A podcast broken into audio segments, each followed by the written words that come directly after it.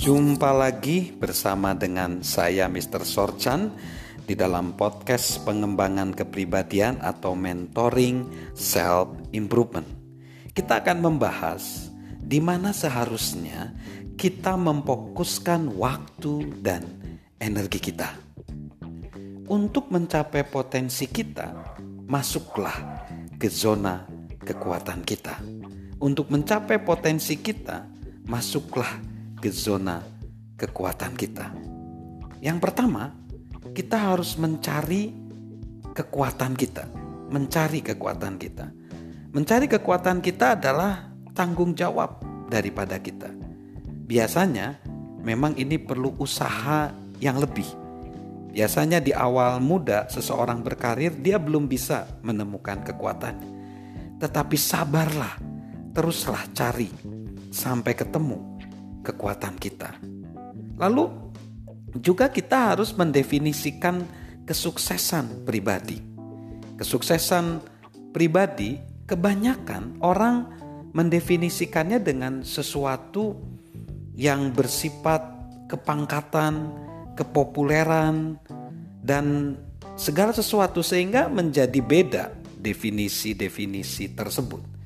Tetapi definisi yang ini sebenarnya definisi yang bisa diterapkan ke semua orang, yaitu mengetahui tujuan hidup Anda, bertumbuh hingga potensi maksimal Anda, dan menanamkan benih yang akan memberikan keuntungan bagi orang lain. Mengetahui tujuan hidup Anda, bertumbuh hingga potensi maksimal Anda, dan menanamkan benih yang akan memberikan keuntungan bagi orang lain. Itulah definisi daripada sukses yang sebenarnya. Di mana kita jangan lupa bahwa kesuksesan itu juga harus menjadi berkat bagi sesama. Nah, bagaimana kita menemukan zona kekuatan kita? Penulis puisi dan lexicographer dari Inggris Samuel Johnson berkata, hampir semua orang membuang-buang sebagian dari hidupnya karena berusaha untuk memberikan kualitas yang tidak ia miliki. Jika kita terus mempertahankan idealisme mengenai bakat apa yang seharusnya dimiliki seseorang, kita akan kesulitan untuk menemukan kekuatan kita yang sesungguhnya. Kita harus menemukan dan mengembangkan siapa kita sesungguhnya. Siapa kita sesungguhnya? Yang pertama, temukanlah bakat kita. Orang yang mencapai potensi mereka bertanya, "Apa yang saya kerjakan dengan benar?" Dan lebih sering bertanya, "Apa yang saya kerjakan dengan baik?" Yang pertama adalah masalah moral, yang kedua adalah masalah bakat. Kita harus selalu berjuang untuk melakukan apa yang benar. Namun melakukan hal yang benar tidak memberitahu apa pun mengenai bakat kita. Yang kedua jadilah spesifik.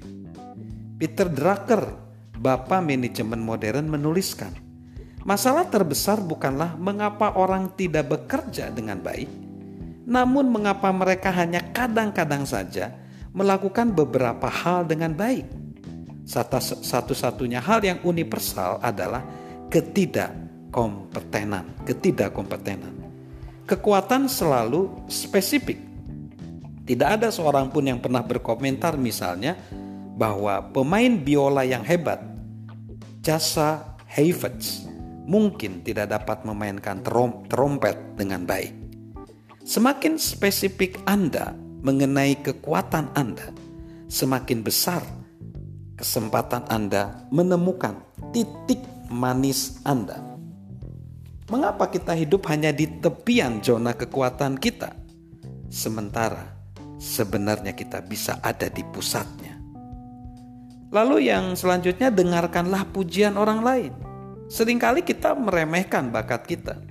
Kita merasa bahwa karena kita tidak dapat melakukan sesuatu, maka demikian pula orang lain. Seringkali pula hal ini tidak benar. Bagaimana Anda dapat mengetahui bahwa Anda sedang meremehkan sebuah bakat? Dengarkan apa yang dikatakan orang lain. Kekuatan Anda akan menangkap perhatian orang lain dan menarik mereka pada Anda. Di sisi lain, ketika Anda bekerja di area kelemahan Anda, hanya sedikit orang yang tertarik. Lalu yang ke selanjutnya periksalah kompetitor kita. Apakah kompetitor kita itu lebih baik dari kita? Lakukan pertanyaan ini. Apakah orang lain melakukan hal yang sama? Apakah mereka melakukannya lebih baik? Mampukah saya menjadi lebih baik? Jika saya menjadi lebih baik, apa hasilnya? Jika saya tidak bertambah baik, apa hasilnya? Jadi, itu yang harus kita lakukan mengenai bagaimana kita bisa ada di zona kekuatan kita sehingga kita bisa fokus di energi dan waktu kita. Salam sukses luar biasa dari saya Mr. Sorjan.